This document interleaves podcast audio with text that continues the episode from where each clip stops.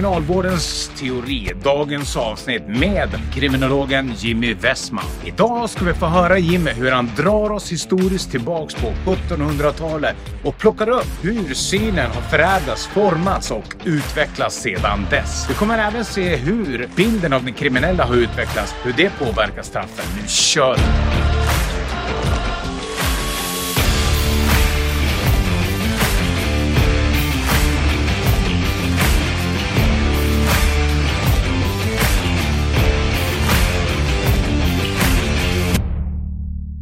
Okej, välkommen till Gynnestams-podden. Och idag har vi med oss kriminologen Jimmy Westman. Välkommen hit. Tack så mycket, tack så mycket.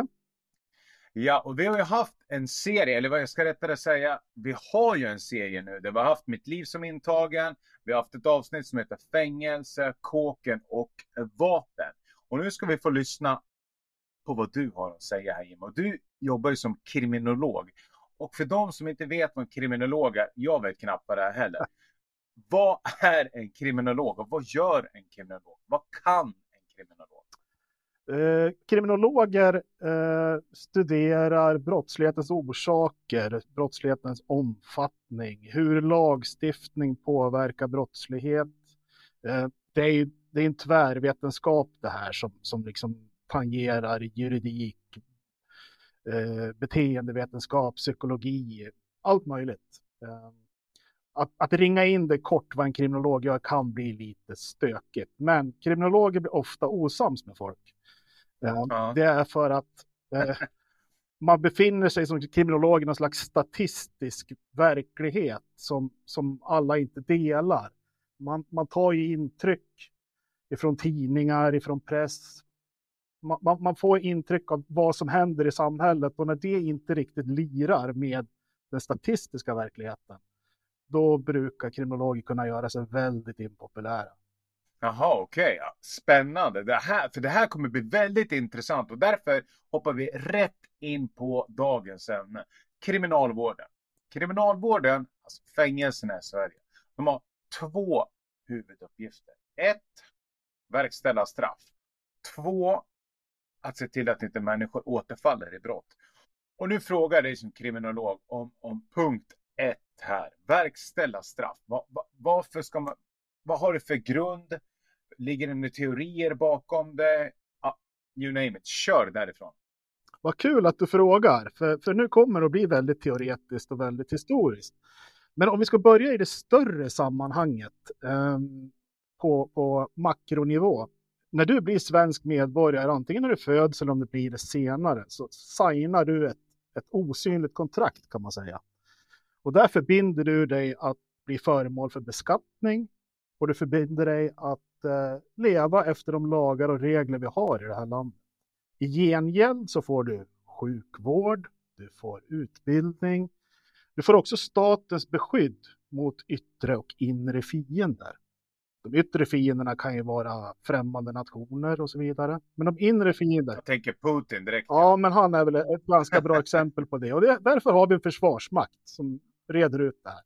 Och sen har vi de inre fienderna som man kan se som de kriminella helt enkelt. Och, och, vad som händer då om man får ett samhälle med mycket brottslighet, gängskjutningar och så vidare, det är att staten kan uppfattas som att den inte levererar på sin del av den här dealen man har och då får staten problem med sin legitimitet. Därför måste staten kunna visa att vi tar tag i det här med brottsligheten. Bryter man mot lagar får det en följd. Väldigt enkelt. Och det, och det är därför vi har straff, kan man mm. säga. Ja. ja, kortfattat och väldigt förenklat så är det ju så. Mm. Eh, men sen så, synen på den kriminella är ju liksom avgörande, eller synen på människor överhuvudtaget är, är, är är väldigt avgörande just den här frågan. Och jag tycker att vi ska sätta oss och åka lite tidsmaskin nu, Fredrik. Kör. Eh, vi ställer in årtalet kring eh, 1700-talets andra hälft. Och här är det två stycken eh, killar som, som har fått väldigt stort inflytande på just den här frågan. Den ena är en italienare som heter Cesare Beccaria. Han var rationalist och humanist han tittade på rättssystemet och upptäckte att ja, men, så här kan vi inte hålla på. Eh, vi pratar alltså om en tid då man hade egentligen inget fängelsesystem utan de flesta brott bestraffades antingen med bötesbelopp eller olika skamstraff eller kroppsstraff. Och det tyckte han blev lite knöligt. Mm. Kan du berätta vad kroppsstraff är och skamstraff för de som lyssnar? Ja, men till exempel eh, om, om vi går tillbaka till svenska förhållanden så, så var ju Sverige var ju ett väldigt religiöst land. Att få barn utom äktenskapet till exempel, det var ju någonting otroligt. Och då hade man ju sådana här horpallar utanför kyrkan. Okej. Där, där, där, där kvinnor som hade fått barn utanför för äktenskapet fick sitta på söndagarna och bli bespottade helt enkelt. Shit. Ska, skampålen kanske du Ja, känner till. Men med händerna i och, och huvudet igen. Ja, ja, precis. På den nivån. Och han, han Beccaria tyckte att det här är ju liksom inte värdigt. Vi har ju kommit längre än så här. Eh, och han, han eh, arbetade fram en, en hel del idéer här. Bland annat om hur, hur allvarligt ett brott är. Hur mycket skada det, det, det orsakar samhället. Det ska också säga hur strängt straffet ska bli. Mm. Till exempel att hugga handen av någon som stjäl ett äpple. Det kan ju vara lite sådär. Ja. Så man skulle kunna säga att han, han är proportiona, proportionalitetsprincipens fader. Alltså den här, prat, den här principen pratar man om till exempel när polisen ska göra ett ingripande mot någon. Eh, och, och att de bara ska använda det våld som just den här situationen kräver, att man inte kliver över det. Mm. Eh, så han menar på att straffen ska stå i paritet till hur, hur gravt brottet är. Eh, Han menar också att, att eh, förebygga brott är viktigare än att straffa. Mm. Han hade även idéer om att rättsprocessen skulle vara snabb och rättvis och human. Sen verkade han för att förhållandena i de få fängelserna som fanns skulle förbättras kraftigt. Alltså det var ju ohyggliga förhållanden vi pratar om. Det är, alltså, det är, ingen, det är ingen dubbelcell på Skänninge vi snackar nu, utan nu är det liksom isol i grannens kompost med ett galler ovanpå. Och det är rätt hårt det där.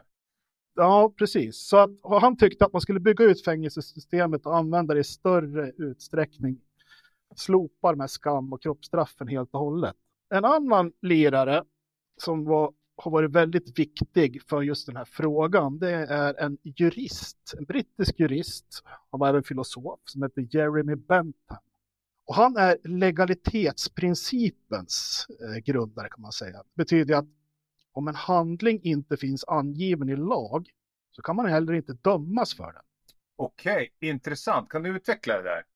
Ja, men alltså då, då sätter han sig ner och skrev att han skrev ner alla brott han kunde komma på. Så han, han är liksom brottsbalkens fader kan man väl säga. Ah.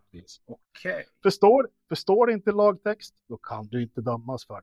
Men han hade även en hel del andra idéer som har spelat stor roll här och det handlar om rationalitet.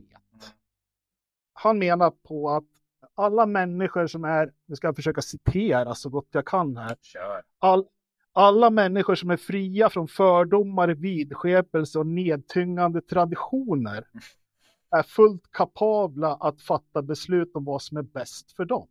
Det betyder att var man är sin egen kung, alltså att du kan bestämma att det här är bra för mig, eh, det här är inte bra för mig. Mm. Och i slutändan så ledde det här till en teori eh, som kallas för rational choice-teori. Och det bygger på att människan är hedonistisk. Mm. Människan kommer alltid att försöka nå njutning och den kommer alltid att backa undan ifrån smärta. Nu, nu beskriver du hedonism. Precis. Mm.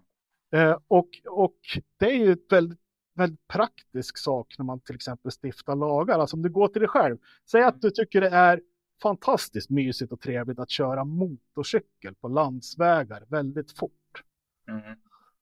Samtidigt så vet du att om jag kör för fort och polisen kommer på mig så kommer det att svida i plånkan. Jag kommer till och med kanske kunna bli av med mitt körkort om jag kör Mm. alldeles för fort.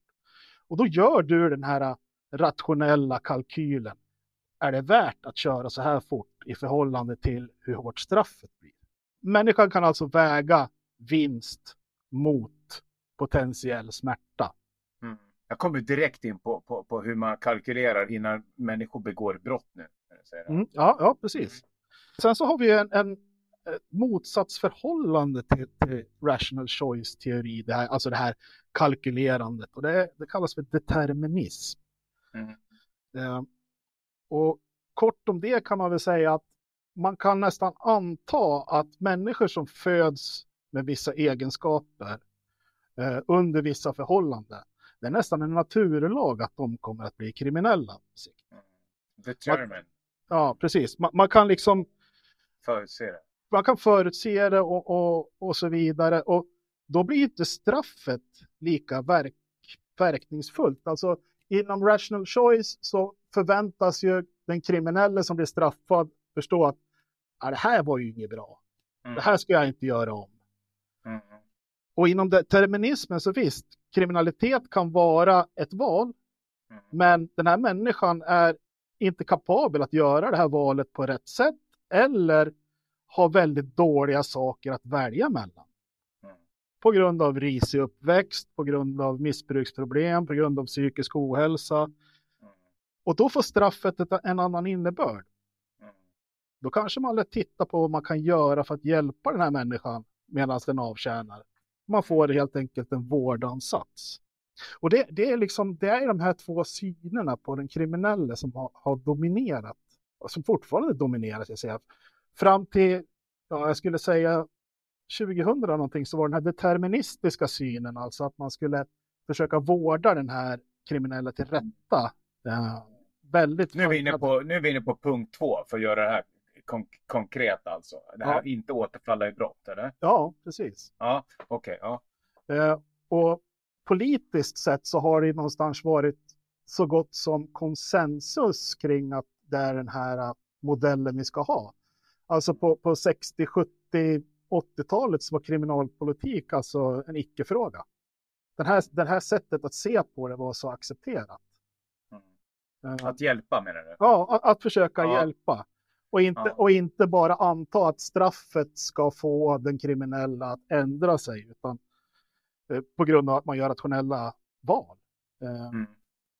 men, men, men det hände någonting där. Eh, vi hade ju ett, ett väldigt våldsamt 90-tal, skulle jag vilja säga, som gjorde att synen på den kriminella förändrades i grunden, skulle jag vilja säga när jag säger att vi hade ett väldigt våldsamt 90-tal så, alltså, det jag har fått lärt mig, det är att mängden våldsbrottslighet i ett samhälle korrelerar med eh, alkoholkonsumtionen i landet.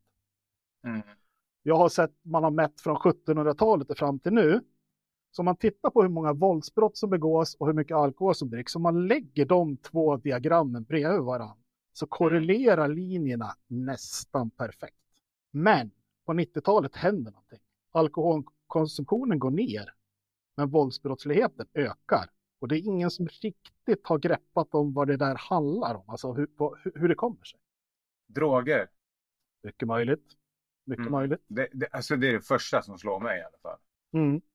Men, men om vi tittar, om vi fortsätter åka lite, Mm. lite eh, tidsmaskin. Tidsmaskin. Ja, Jajamän. så hur har den här synen på den kriminella förändrats och varför? Eh, Mm. det här, det här är, har jag kanske inte världens bästa vetenskapliga belägg för. Det här är, är min egen lilla teori och fundering kring det här. Men det här är, det här är, det är ett ypperligt forum att att Ja. press, pressa ut så, sånt här känner jag. Men 1986 så mördas Palme och där anser jag att Sverige förlorade sin oskuld på något vis. Okej, utveckla det där. Nej, men alltså, det, det, det var ett sånt massivt brott. Det var ett sånt angrepp på Sverige som stat. Så att, så att ja, jag kommer till fler punkter här. Mm. Ni- 1988 så skjuter Juha Valjakalja en hel familj i anslutning till en kyrkogård i, i Omsele. Vi har Lasermannen som härjar 91 till 92. Vi har Stureplansskjutningen där man skjuter rätt in i en krogentré helt Mm. vansinnigt. Det, det, har, det har vi 94. Vi har Mattias Flink sommaren 94 som, som skjuter massor med människor i Falun. Och så, och så har vi liksom själva crescendot. Det är ju, är ju Malexandermorden som jag ska återkomma till. Ja. Men samtidigt som det här sker så har vi liksom, vi har ett MC-krig. Mm. De skjuter ju med, med, med pansarskott på varandra. Mm. helt publikt. Vi har högerextrema eh, organisationer som är väldigt våldsamma. Vi har Thomas Quick som i princip erkänner varenda ouppklarat mord i, i hela Norden bara för att få, få narkotika utskrivet på Säter. En annan viktig punkt är att Efterlyst började sändas 1990. Kommer du ihåg det June? Ja, just det. Ja. Kommer, du, kommer du ihåg den här gamla åklagaren de hade med? Just Brynolf det. Wendt? Brynolf Wendt, ja. Ja, och han började ju prata om kriminella på ett sätt som inte hade gjorts i, i publik på tv tidigare, utan de här dåden var avskyvärda. De här människorna som har gjort det här är, har, har undermålig moral, är degenererade liksom. Mm. Kan också ha en påverkan. Ja, 100 procent. 100 procent så har media en påverkan. Absolut. Jag brukade skämtsamt säga att den som har gjort mest pengar på kriminalitet i det här landet, det är Hasse Aro. alltså jag tror inte det är ett skämt, jag tror det är sanning. Jag tror det är en sanning. Ja, men eh, ja, lite skämtsamt. Men, eh, men alltså där någonstans går brottslingen från att vara liksom den här eh, missförstådda rebellen som inte passar in i vårt samhälle. Som vi nog skulle kunna få ordning på om vi satt oss ner och diskuterade och hjälpte honom med hans underliggande problem. Mm. Den, den bilden försvinner helt, Mm. jag säga. Ja. Jag har sett, jag har sett tidningsartiklar från 70-talet. Man, man intervjuar en, en kassörska på, på ett postkontor och nyss har blivit rånad. Och, och hon uttrycker som att "Ah, undrar, är synd om grabben liksom. Man har, ha, undrar vad han har varit med om liksom för att hamna här och liksom hur, hur, hur, kämpigt har inte han det eftersom man känner att han måste råna ett postkontor? Den, den, den hör inte. Nej, nej, nej. Vet du vad jag tänker Den finns också? Jag kommer osökt så kommer jag in på Stockholms eh, vad heter det, syndrom också. Mm. Alltså det var ju någonstans 1974 där också. Ja, 73 kanske inte. tror jag. Ja. 73, det var ju Någonstans där var det Ja, ja.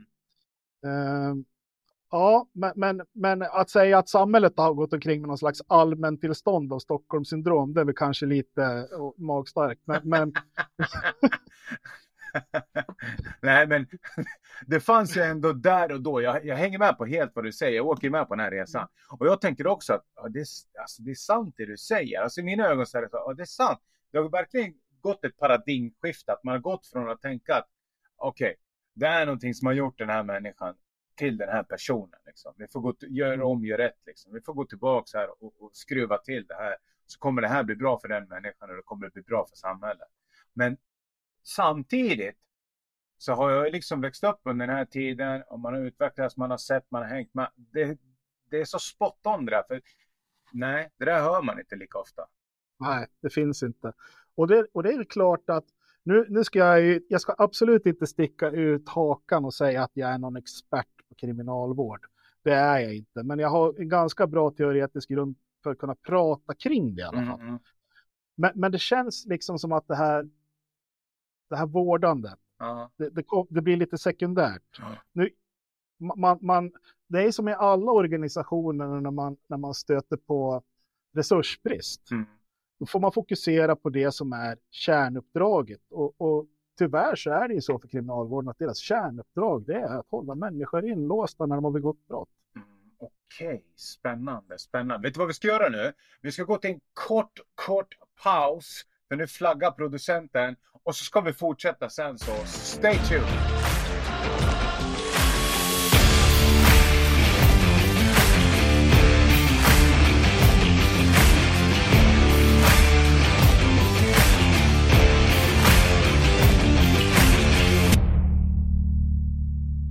Jajamän, Gynnestamspodden, vi är tillbaks. Vi är tillbaks här med Jimmy Westman, kriminolog.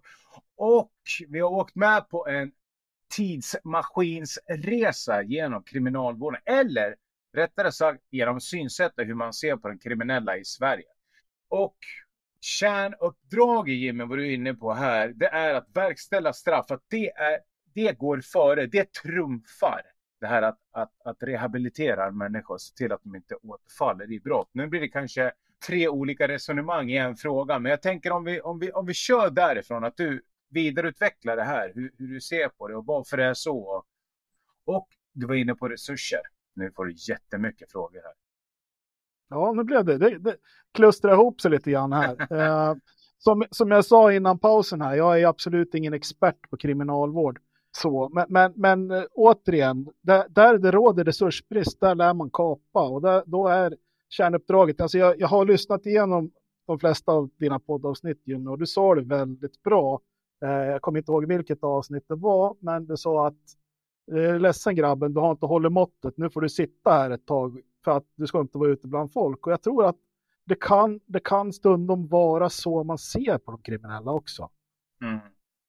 Men, men sen, eh, ja, ja, jag vet inte vad jag ska säga mer kring det om jag ska vara ärlig. Men om vi, om vi går in på det här med resurser nu. Alltså jag, jag tänker, där man får kapa, så tänker jag så här, svenska samhället, kriminaliteten kostar ju väldigt mycket pengar. Kostar det inte mer pengar att kapa det och skita i det, då får vi en större räkning som kommer, som har kommit nu om man kollar på hur det ser ut i samhället. Kontra om man skulle lägga resurserna här, okej, okay, vill, vill, vill se till att de här farliga människorna vill se till så att de här människorna som kommer in första gången inte kommer ut med ett kriminellt CV som gör att de blir ännu mer kriminella.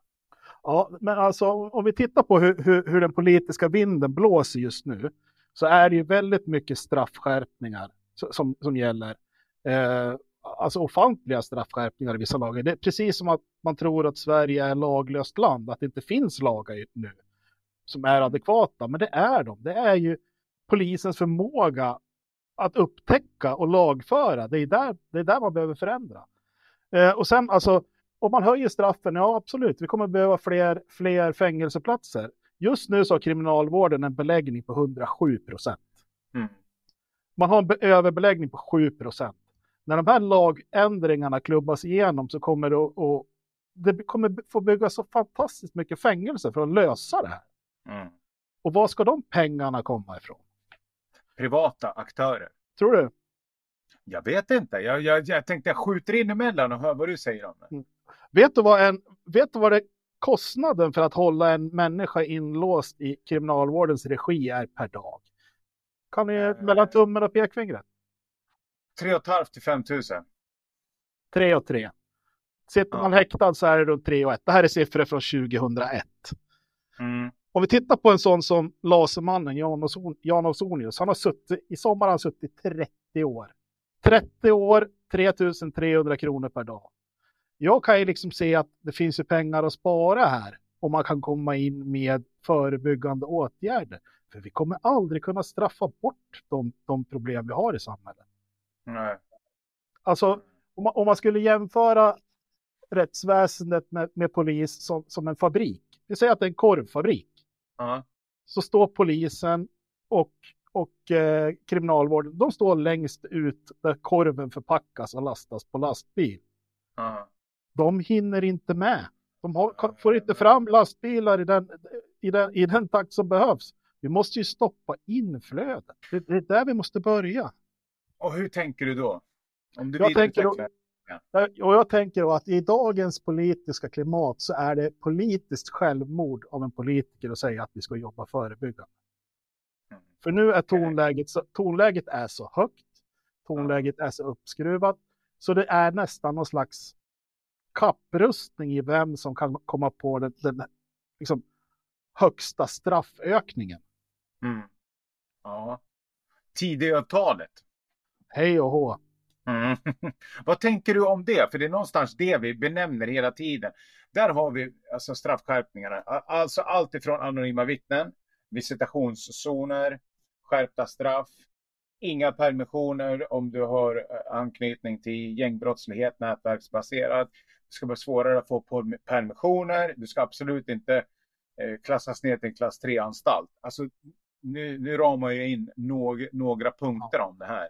Ja, men jag, jag, tycker, jag tycker nu, nu är inte jag någon fan av, av Tidöavtalet, men om sanningen som ska, ska fram så är ju politikerna, eller partierna med till vänster, de har också hoppat på det här tåget. Mm.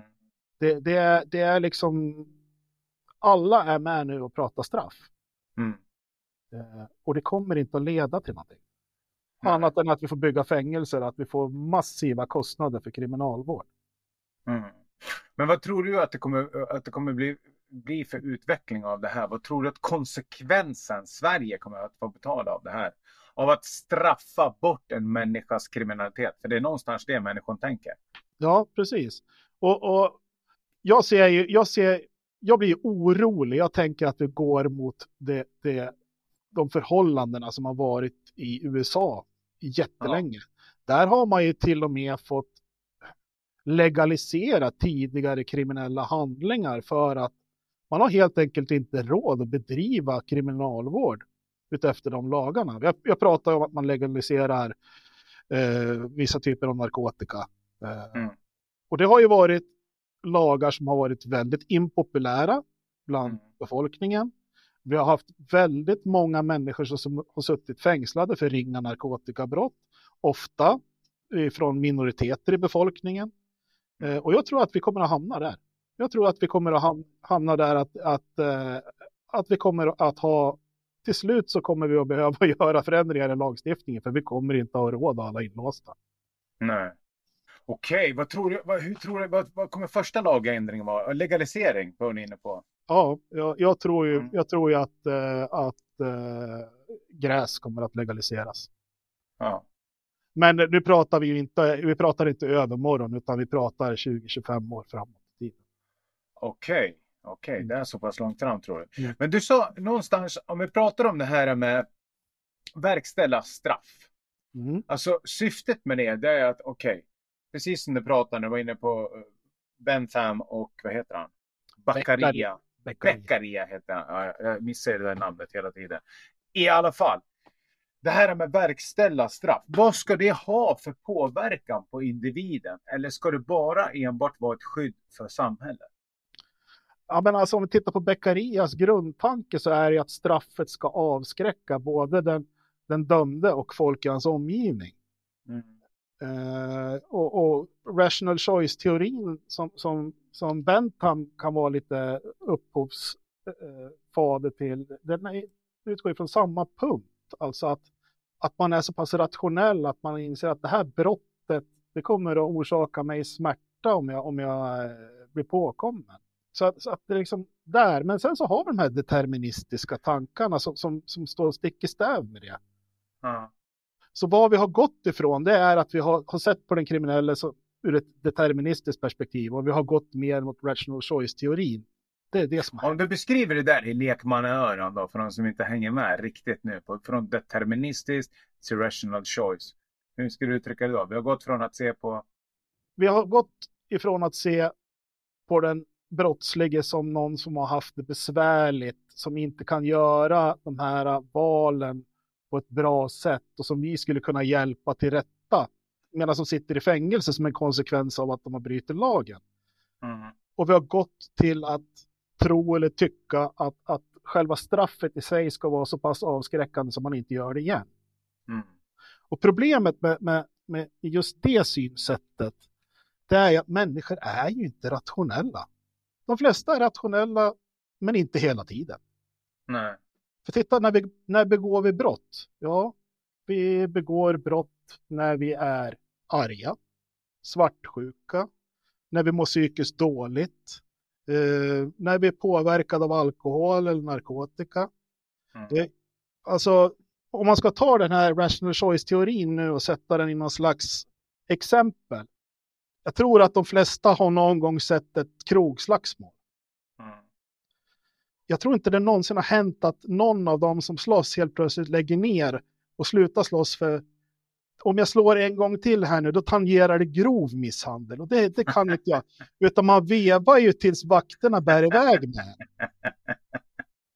Vänta, nu går vi från ringa misshandel här till, till, till en mer ja, misshandel och grov. Nej, så, nej, det sker. Nej, men men det, det, kan du väl hålla med om, om Fredrik, ja, att, att människor, människor är inte rationella hela nej, tiden. Nej, nej. Allt som nej. oftast är vi det, men, men i de situationer där brott kan uppstå, där, där, är, det, där är det lite luddigt. Ja, ja, det kan man säga. Jag tyckte det var en bra, alltså det, det, var, det, det var en bra liknelse för de människorna som inte lever under kriminella förhållanden. Mm. Skulle, vilja, skulle vilja vilja uttrycka det så. Ja, precis. Sen, sen finns det ju, uh, om vi ska diskutera vapen. Ja. Uh, så finns det ju eh, situationer där, där en sån här rationell lagstiftning faktiskt funkar och den funkar under vissa förutsättningar. Vi kan till exempel ta, ett väldigt tydligt exempel är jaktbrott. Mm. För att få jaga i det här landet så måste du först vara, måste gå en utbildning, den kostar Ja. pengar. Mm. Eh, du måste äga vapen och då måste polisen kolla upp dig och se om du är lämplig att, att äga vapen. Och först efter den kontrollen så får du köpa jaktvapen. Men sen måste du kunna påvisa att du kan förvara de här vapnen på ett vettigt sätt. Du måste köpa ett säkerhetsskåp. Kostar pengar. Sen måste du eh, antingen ha någon slags eh, jakträtt, vara med i ett jaktlag eller ha egen mark att jaga på. Sånt där kostar pengar. Mm. Då pratar vi, alltså kontentan blir att du måste leva under ganska ordnade förhållanden här i landet Mm. för att få jaga. Och hur många gånger har man inte hört i, i den här till exempel rovdjursdebatten att Ja. fan, det, det, det är värre att skjuta en varg än, än att skjuta en människa. Ja. Och, det, och det, det, det är ju visserligen inte sant, men det är ju väldigt uppskruvad straffskala för jaktbrott och det är det av, av eh, några anledningar. Dels så har du, om man någon gång åkt tåg eller buss i det här landet så inser man att fan, det här är ju bara skog. Mm. Väldigt mycket yta för polisen att patrullera. Väldigt svårt att upptäcka jaktbrott. Ja. Mm. Sen så har vi det här. Som jag sa, det här kostar pengar. Du måste vara en etablerad del av samhället. Du har saker att förlora om du åker dit på ett jaktbrott. Jajamän. Och framförallt så kommer du att förlora din, din rätt att jaga. Och på sådana här människor så funkar hårdare straff. Mm. Om vi ska prata de här, äh, den här straffskärpningen nu för, för, för vapeninnehav, Kriminella. ja, kriminella, och att man skruvar upp den straffskalan, det kommer att funka jättebra. Det kommer att funka skitbra. Det kommer inte att finnas en enda mellanchef på Försäkringskassan som kommer gå ut med vapen på stan. Nej, precis. Nej, din lokala ICA-handlare kommer inte heller att vara ute och snurra, med en Glock. Nej, precis. Ingen pratar- berätta heller. Nej, men alltså det, det, det här är människor som har saker att förlora Ja. och som är hyfsat rationella. Som aldrig skulle ha vapen ändå, ja. Precis. Nej, precis. Nej. Nej, men vad tänker, vad tänker jag, jag var inne på det här i, i i fängelsekåken och, och vapen. Och då, och då tänker jag så här. Om jag har ett vapen nu, jag är kriminell, okej? Mm. Så har jag ett vapen. Alltså, antingen har jag ett vapen då för att jag ska ta liv av mig själv. Förstår du? Och då är det det jag dealar med. Då, då är inte livet värt någonting ändå. Eller för att jag då kanske ska, ska, ska ta ett liv. Och jag menar två år, det var det jag är inne på, kontra riskera livstid eller 18 år eller, eller 15 år eller Mm. Alltså det, det, det är en smäll man tar. Jag, jag personligen, det här är vad jag personligen tänker. Sen finns det väl andra anledningar också varför man kan ha ett vapen. Att vi gå ut och skjuta i skogen, men det känns ju lite sådär va. Men i alla fall, då tänker jag, kan man deala med det där straffet eller att skada sig själv till den graden? Alltså, jag, tror inte, jag tror inte det spelar någon roll då om det är sex månader eller två år man får. Jag vet inte, det är min personliga tanke. Vad säger du som kriminolog när jag säger så här? Ja, vad ska jag säga? Det, det är som du säger, det finns många olika anledningar till varför man väljer att ha ett illegalt vapen. Det kan ju vara för att skydda sig själv, för att man är i en utsatt position på grund av att man är kriminell.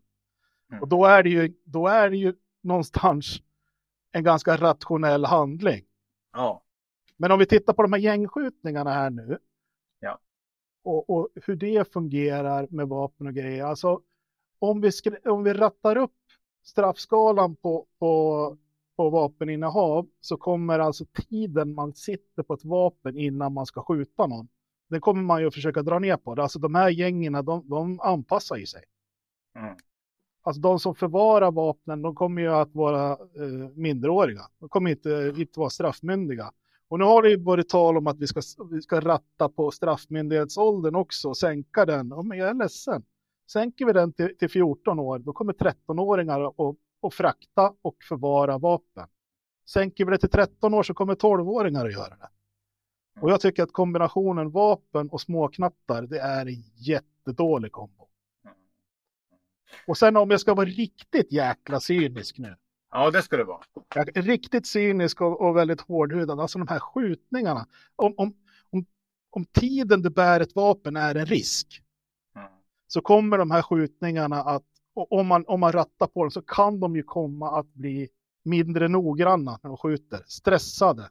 Alltså vanligt folk riskerar att, att komma till skada i, i större utsträckning ska jag säga. Och dessutom det är ännu yngre människor som håller i de här vapnen alltså ökar ju riskerna oerhört. Alltså det låter nästan, alltså när du, när du pratar, när jag lyssnar på det, då tänker jag så här, det här är ostoppbart.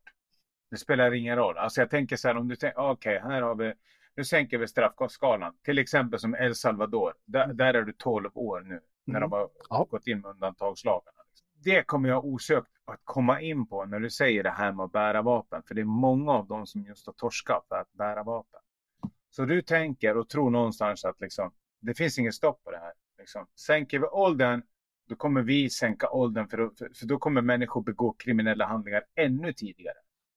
Ja, men jag tror ju det. De är ju, de är ju, de lyssnar ju inte till våra rationalitet. De har ju en egen, de här grupperingarna. Mm. Eh, och de kommer ju att anpassa sig efter, efter vad vi gör. Mm. Men det här är inte ostoppbart, Fredrik. Nej, Men det är bara det att vi håller på och härjar i fel ända av problemet. ja, Vi måste in tidigare. Vi ska Ja. inte in efter. nej. Kurvekrigen. Som de har börjat med i Tyskland, som de har infört som eh, pilotprojekt nu också i Sverige. Just det här att skriva kontrakt med föräldrar vars barn begår kriminella handlingar i åldern 8 till 15 år. Vad tänker du om det? Jag är inte insatt i just hur, hur, i de tyska förhållandena kring det här. Men, men alltså det bygger ju på att föräldrar ska ta ett utökat Ja, ansvar. och ett utökat stöd Ja. och att de också ska få det. Ja, och det, det tycker jag det, det är en, en, en nyckelkomponent i om vi ska lyckas i det här eller inte. Absolut, föräldrastöd, eh, utökad förmåga att vara föräldrar hos de flesta eh, kan rädda mycket. Absolut. Mm. mm. Det tror jag också. Okej, vi ska göra så att vi ska gå på en kortare paus nu. Så fyll på kaffe, lägg ner hantarna, rätta till kudden på soffan, vad ni än gör. Så är vi tillbaks strax. Stay tuned.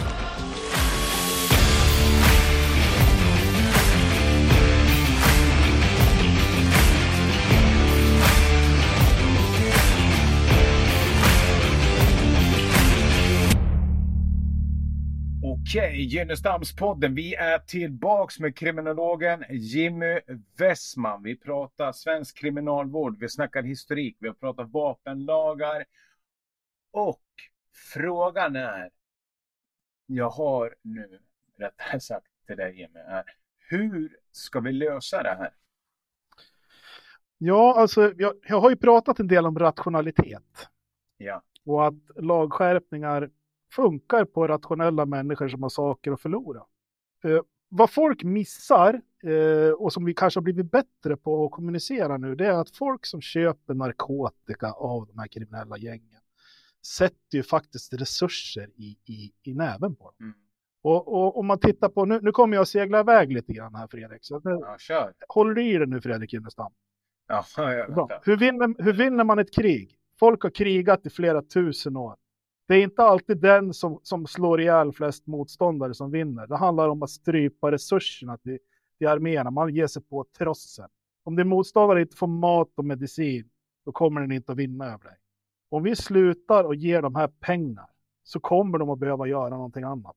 Alltså, och, och nu när jag pratar om rationalitet, alltså när, när, när sonen eller dottern till en egenföretagare eller någon annan som är ganska högt uppburen i samhället åker dit på narkotikainnehav och det blir ett riktigt fläskigt straff på det, då kommer det att hända grejer tror jag.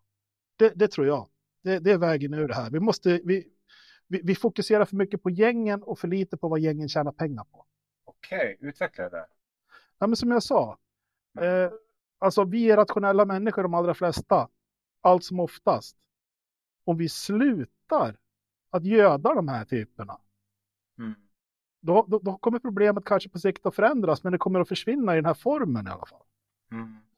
Och om vi verkar förebyggande, vi jobbar med barn och ungdomar, vi ser till att folk har, blir sedda i skolan, att folk klarar sin skolgång, då kommer man få en mycket sämre rekryteringsbas. Ja, Det är ju också att angripa trossen. Ja. Det finns ingen återväxt.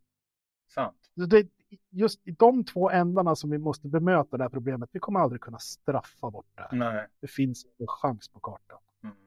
Men vad va, va sa du där? Kan du vita Det där fastnar jag på väldigt mycket. När det är någon som är uppburen i samhället, med fläska på ett straff, då kommer det börja hända saker. Hur tänkte du där? Va, va, va? Ja, men alltså för de här människorna som är i de här kriminella grupperingarna så är straffet inte avskräckande. Nej. Det är snarare en merit i vissa fall att ha bröstat. Mm. Så är det. Men, men för oss andra som lever i det här samhället och som har saker att förlora, där är ju straffskärpningen mycket mer påtaglig. Mm. Det, det, så ser jag på det. Ja. Så om, om, om vi säger att här har vi Knut Knutsson här nu. Jag vet inte varför han heter Knut, men han gör det då. Så, Han jobbar ju på Antikrundan. det är han. Det är Ja. han. Vi säger här att han, han gillar att röka. Okej? Han sticker iväg någonstans och köper 10-15 gram röka. Så Mm. då tänker du att genom att, okej, vi, vi, vi sätter dit Knut rejält här. För de här deterministerna, determined to be criminals, Mm. det är ingen idé. Liksom. Klart de ska få sitt straff, i straffskalan, jag förstår det. Men om vi säger att vi sätter dit den här Knut Knutsson stenhårt här. Där stoppar vi trossen då. Är det så du tänker? Är det så du... Ja, det är så jag tänker. För, för, för, för en sån som Knut Knutsson, Ja. Knutsson inte det, där, det straffet är ju inte en merit. Nej. Det, det kan ju mycket väl vara det jävligaste han har varit med om i hela sitt liv. Mm. Och jag tror att han kommer att lägga ner sin rökvana ganska så direkt efter det. Ja. Om man är en rationell människa. Ja. Mm. Okej, spännande.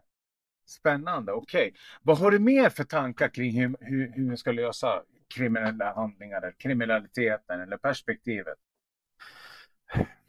Ja, vad ska jag säga? Jag, jag är en sån som vill arbeta proaktivt. Mm.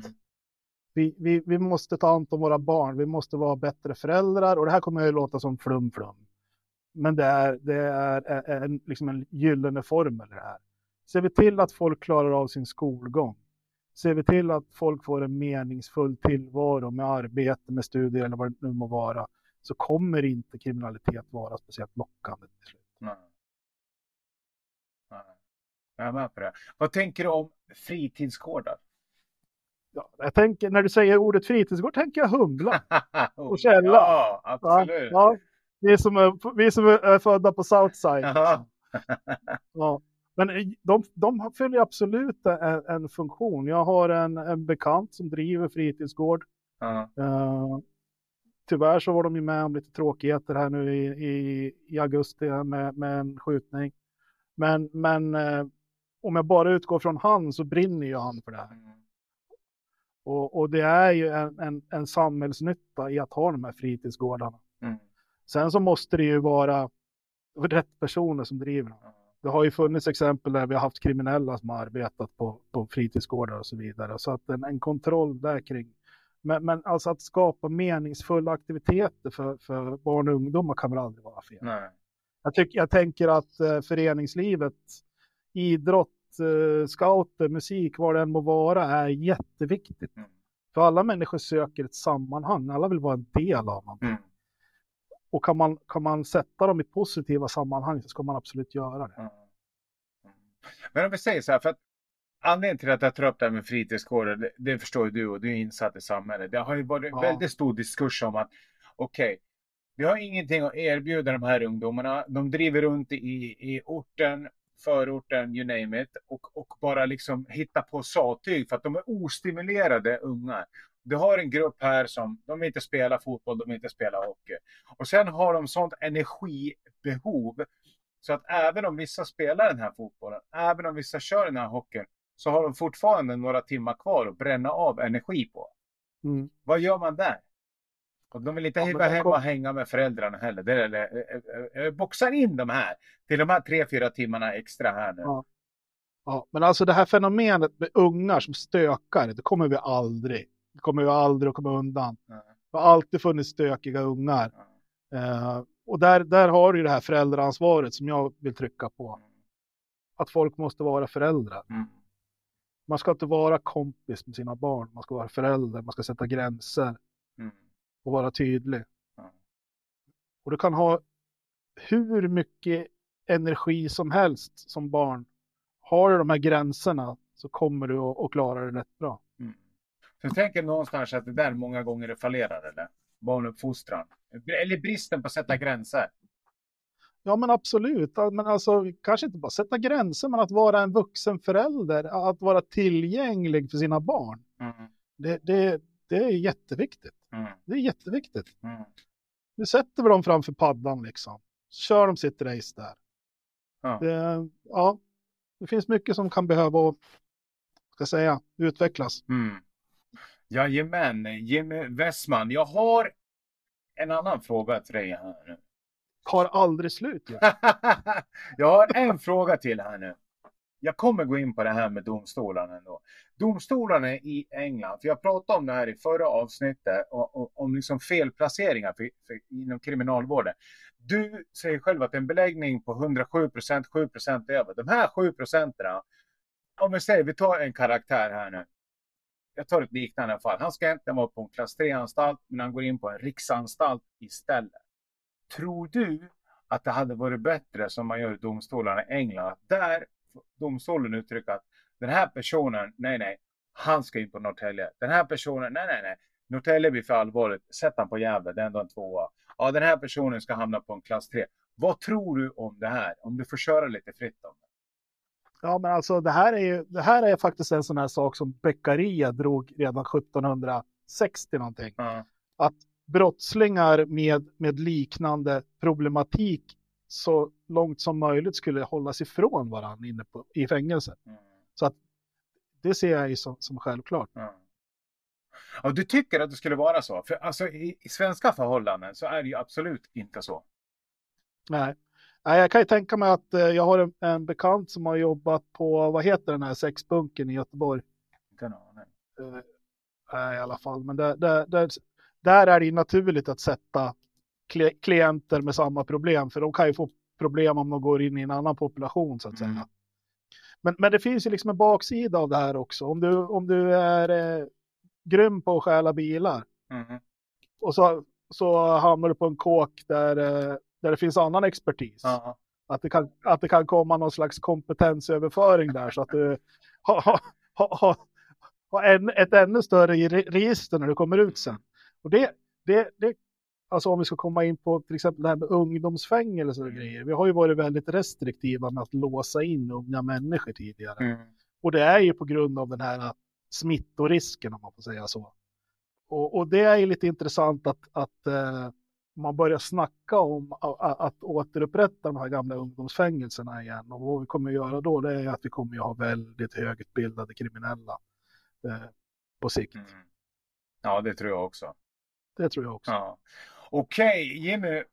Fantastiskt roligt att ha med dig här i Junestanspodden. Intressant och det här avsnittet, om du fick sammanfatta det, hur skulle du sammanfatta det då? Sluta köp knark av kriminella. Bete er. och med det så säger vi in och tryck gilla, prenumerera, kom ihåg att gå in på vår Youtube-kanal. Vi släpper dokumentär där på löpande band. Vi har dödligt skjutvåld, korruption och nu senast organiserad brottslighet. Så in, skriv Junestam, tryck gilla, dela, prenumerera. Så hörs vi. Hej då!